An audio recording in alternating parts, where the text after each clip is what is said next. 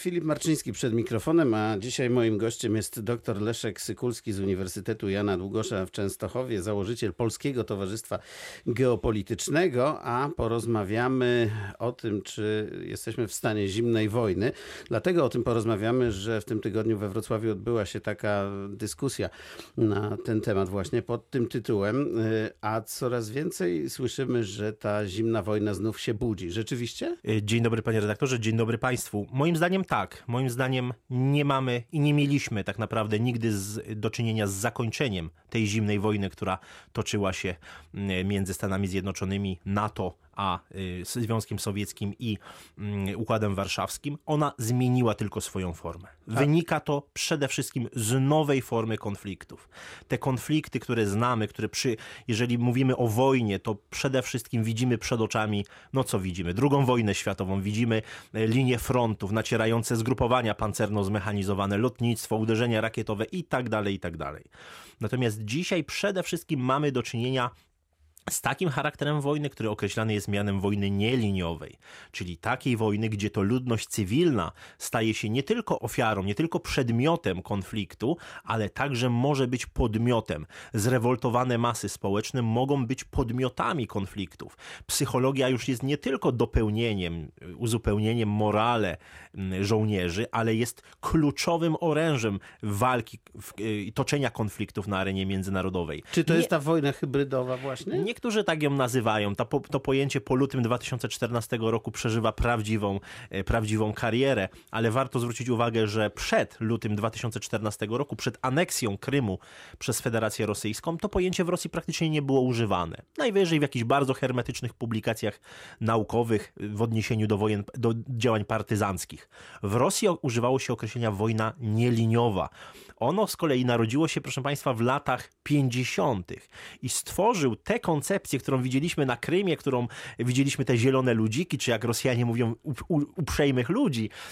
To, ta koncepcja narodziła się w latach 50. w Argentynie i stworzył ją rosyjski pułkownik Jewgeni Messner, emigrant, który wcześniej walczył w, przeciwko bolszewikom w armii carskiej i on właśnie zauważył, że już nie będzie linii frontów, że konflikt może rozpocząć się na, w dowolnym obszarze danego państwa, a jego głównym podmiotem mogą być właśnie zrewoltowane masy. Będzie się zacierać i zaciera się obecnie różnica między regularnymi siłami zbrojnymi, a wszelkiego rodzaju podmiotami uzbrojonymi, które no, z punktu widzenia prawa międzynarodowego nie są żołnierzami. No to jakieś przykłady teraz, bo historia rosyjsko-ukraińska jest nam wszystkim znana i ona cały czas można powiedzieć, trwa, ale na jakich liniach teraz ta wojna hybrydowa, czy też zimna wojna, o której mówiliśmy wcześniej, się odbywa? Kto z kim walczy?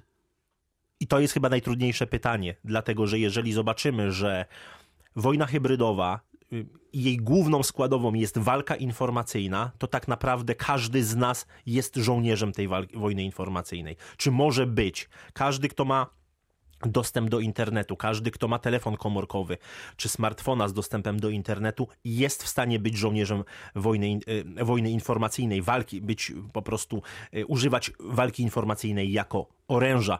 Przykłady, zapytał pan o, o przykłady. No Oczywiście. Właśnie, kto z kim walczy? Kto z kim ciekawi. walczy? Proszę zobaczyć, jak były zrobione y, konflikty z tak zwanej arabskiej wiosny. Mówimy o końcu roku 2010, apogeum 2011-2012, konflikt w Syrii widoczny do dzisiaj, toczący się cały czas do dzisiaj. Ten mechanizm wywoływania konfliktów polegał na zrewoltowaniu mas społecznych. No bo przecież to nie na początku żołnierze zwrócili się przeciwko Muammarowi Kaddafiemu. To w Egipcie nie rozpoczęła, w Egipcie, w Tunezji, e, w Libii, jak już wspomniałem, czy wreszcie w Syrii.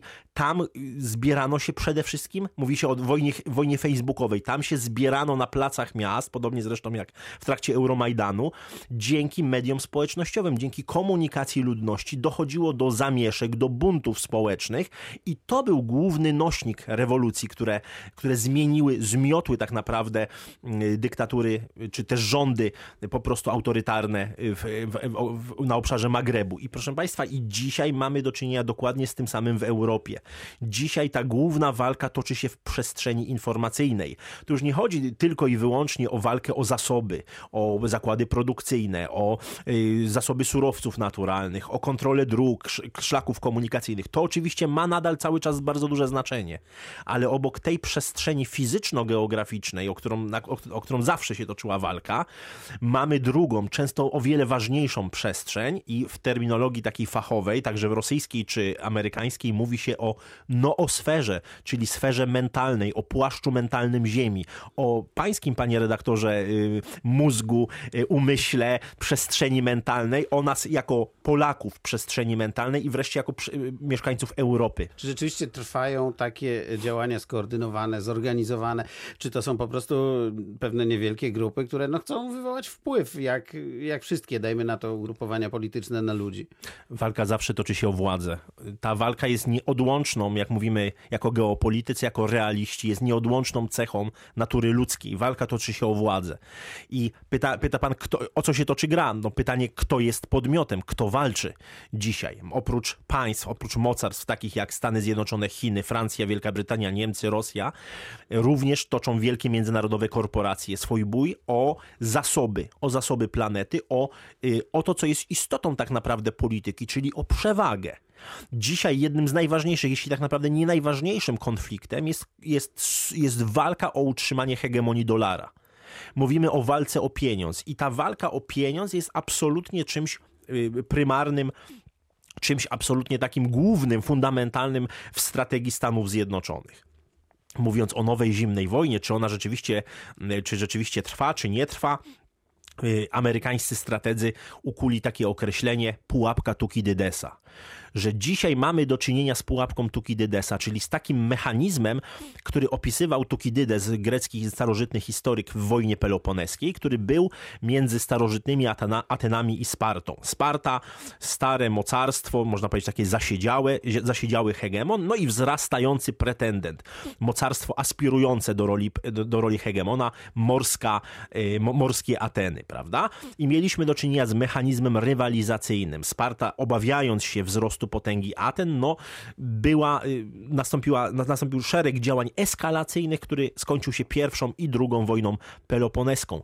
Amerykańscy strategzy dzisiaj przywołując y, to pojęcie i ukuwając w ogóle to pojęcie pułapki Tukidydesa, zwracają uwagę na mechanizm rywalizacyjny między hegemonem, czyli Stanami Zjednoczonymi, a Chińską Republiką Ludową, czyli tym wzrastającym azjatyckim tygrysem, tak, który rzuca nie, niejako i gospodarczą, i no, można powiedzieć pośrednio także militarną rękawicę Stanom Zjednoczonym, przynajmniej na obszarze Indo-Pacyfiku, na obszarze zwłaszcza Morza Południowochińskiego. A jakbyśmy tu bliżej wrócili, to istnieje taki pogląd, że Rosja walczy z jednością Unii Europejskiej, grając na jej rozbijanie. Zgadza się pan z tym? Oczywiście, że się zgadzam. Rosja, celem, celem Rosji jako imperium nie jest y, powstanie wielkiego, silnego państwa europejskiego, liczącego ponad pół miliarda ludności i tak naprawdę który stałby się czołową, jeśli nie czołową, to na pewno jedną z trzech czołowych gospodarek świata.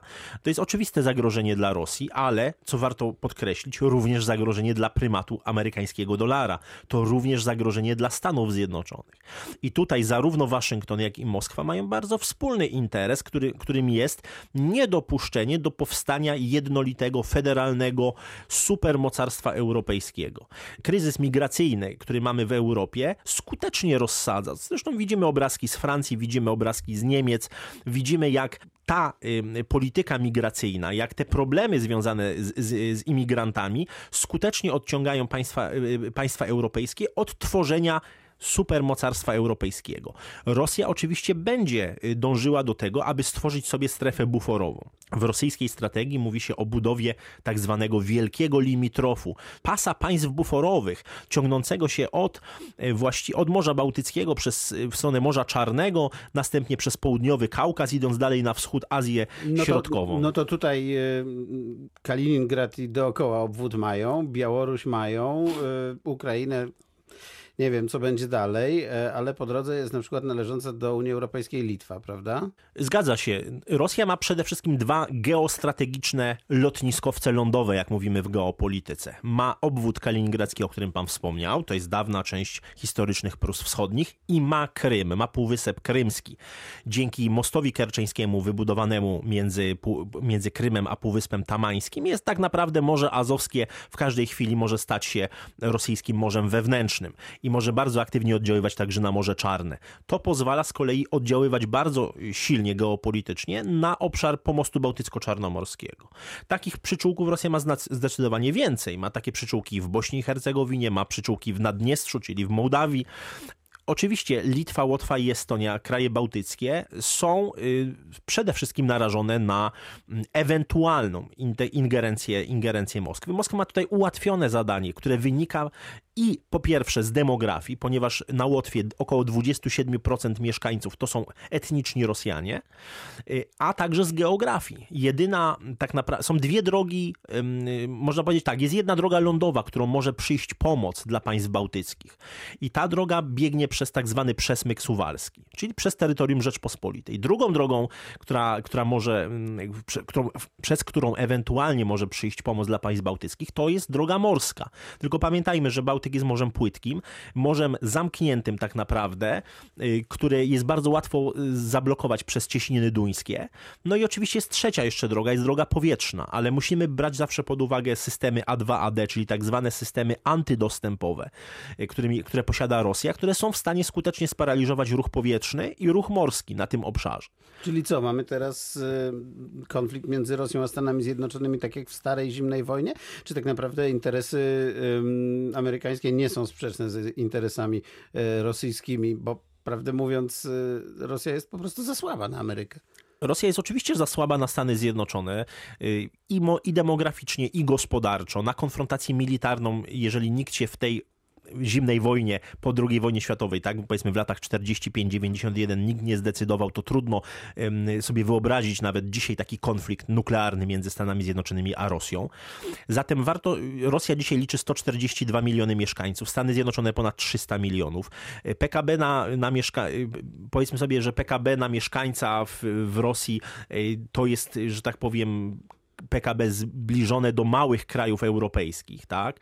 I mówmy sobie szczerze, dzisiaj Rosja jest potrzebna Stanom Zjednoczonym w ich rywalizacji z Chinami. Czyli życzliwa neutralność, przynajmniej życzliwa neutralność ze strony Rosji w tym globalnym konflikcie z, z Chinami jest potrzebna Stanom Zjednoczonym. I stąd zbliżenie? I stąd zbliżenie, stąd szczyt w Helsinkach, który obserwowaliśmy, szczyt Trump-Putin, stąd spotkania, także te, to ostatnie na G20, podczas szczytu G20. Mówiło się, że do tego szczytu nie dojdzie, bo, bo kryzys kerczeński, bo incydent w cieśninie kerczeńskiej, bo tak naprawdę zatrzymanie trzech, trzech okrętów y, ukraińskich, ale cóż, no, ale to spotka do spotkania doszło, tak? Ponieważ Stany Zjednoczone upatrują w Rosji naturalnego, można powiedzieć, partnera, co wynika z, z geografii. A bez Putina Trump by nie był prezydentem? Jak ma się odnosić do tych e, ja jestem, oskarżeń? No? Ja jestem przeciwny wyolbrzymianiu potęgi rosyjskiej. Jestem z jednej strony wielkim przeciwnikiem mówienia o tym, że Rosja jest już słaba i jutro się rozpadnie, bo to jest, y, bo to jest mit i to jest bardzo szkodliwe, ponieważ odbiera naszym decydentom taką wolę do budowania skutecznej obrony i ochrony naszego państwa, a z drugiej strony jestem przeciwny wyolbrzymianiu roli Rosji. Mówieniu, że Rosja jest wszechpotężna, że Rosja wybrała Amerykanom prezydenta, że Rosja tak naprawdę dzisiaj modeluje scenę polityczną we Francji, w Niemczech, modeluje Parlament Europejski, bo już o tym słyszymy, że, że majowe przyszłoroczne wybory do Parlamentu Europejskiego to będą tak naprawdę pod, w, cieniu, w cieniu wywiadu rosyjskiego. Uważam, że takie mówienie jest na, bardzo na rękę Rosji. Y, czyli sianie strachu, sianie paniki, tak? Widzenie wszędzie rosyjskich agentów, czy jak to się mówi w Polsce bardzo tak kolokwialnie, ruscy agenci są wszędzie, otaczają nas. To jest bardzo na, na, rękę Rosji. Bardzo dziękuję. Gościem rozmowy dnia był dr Leszek Sykulski, który zajmuje się między innymi geopolityką.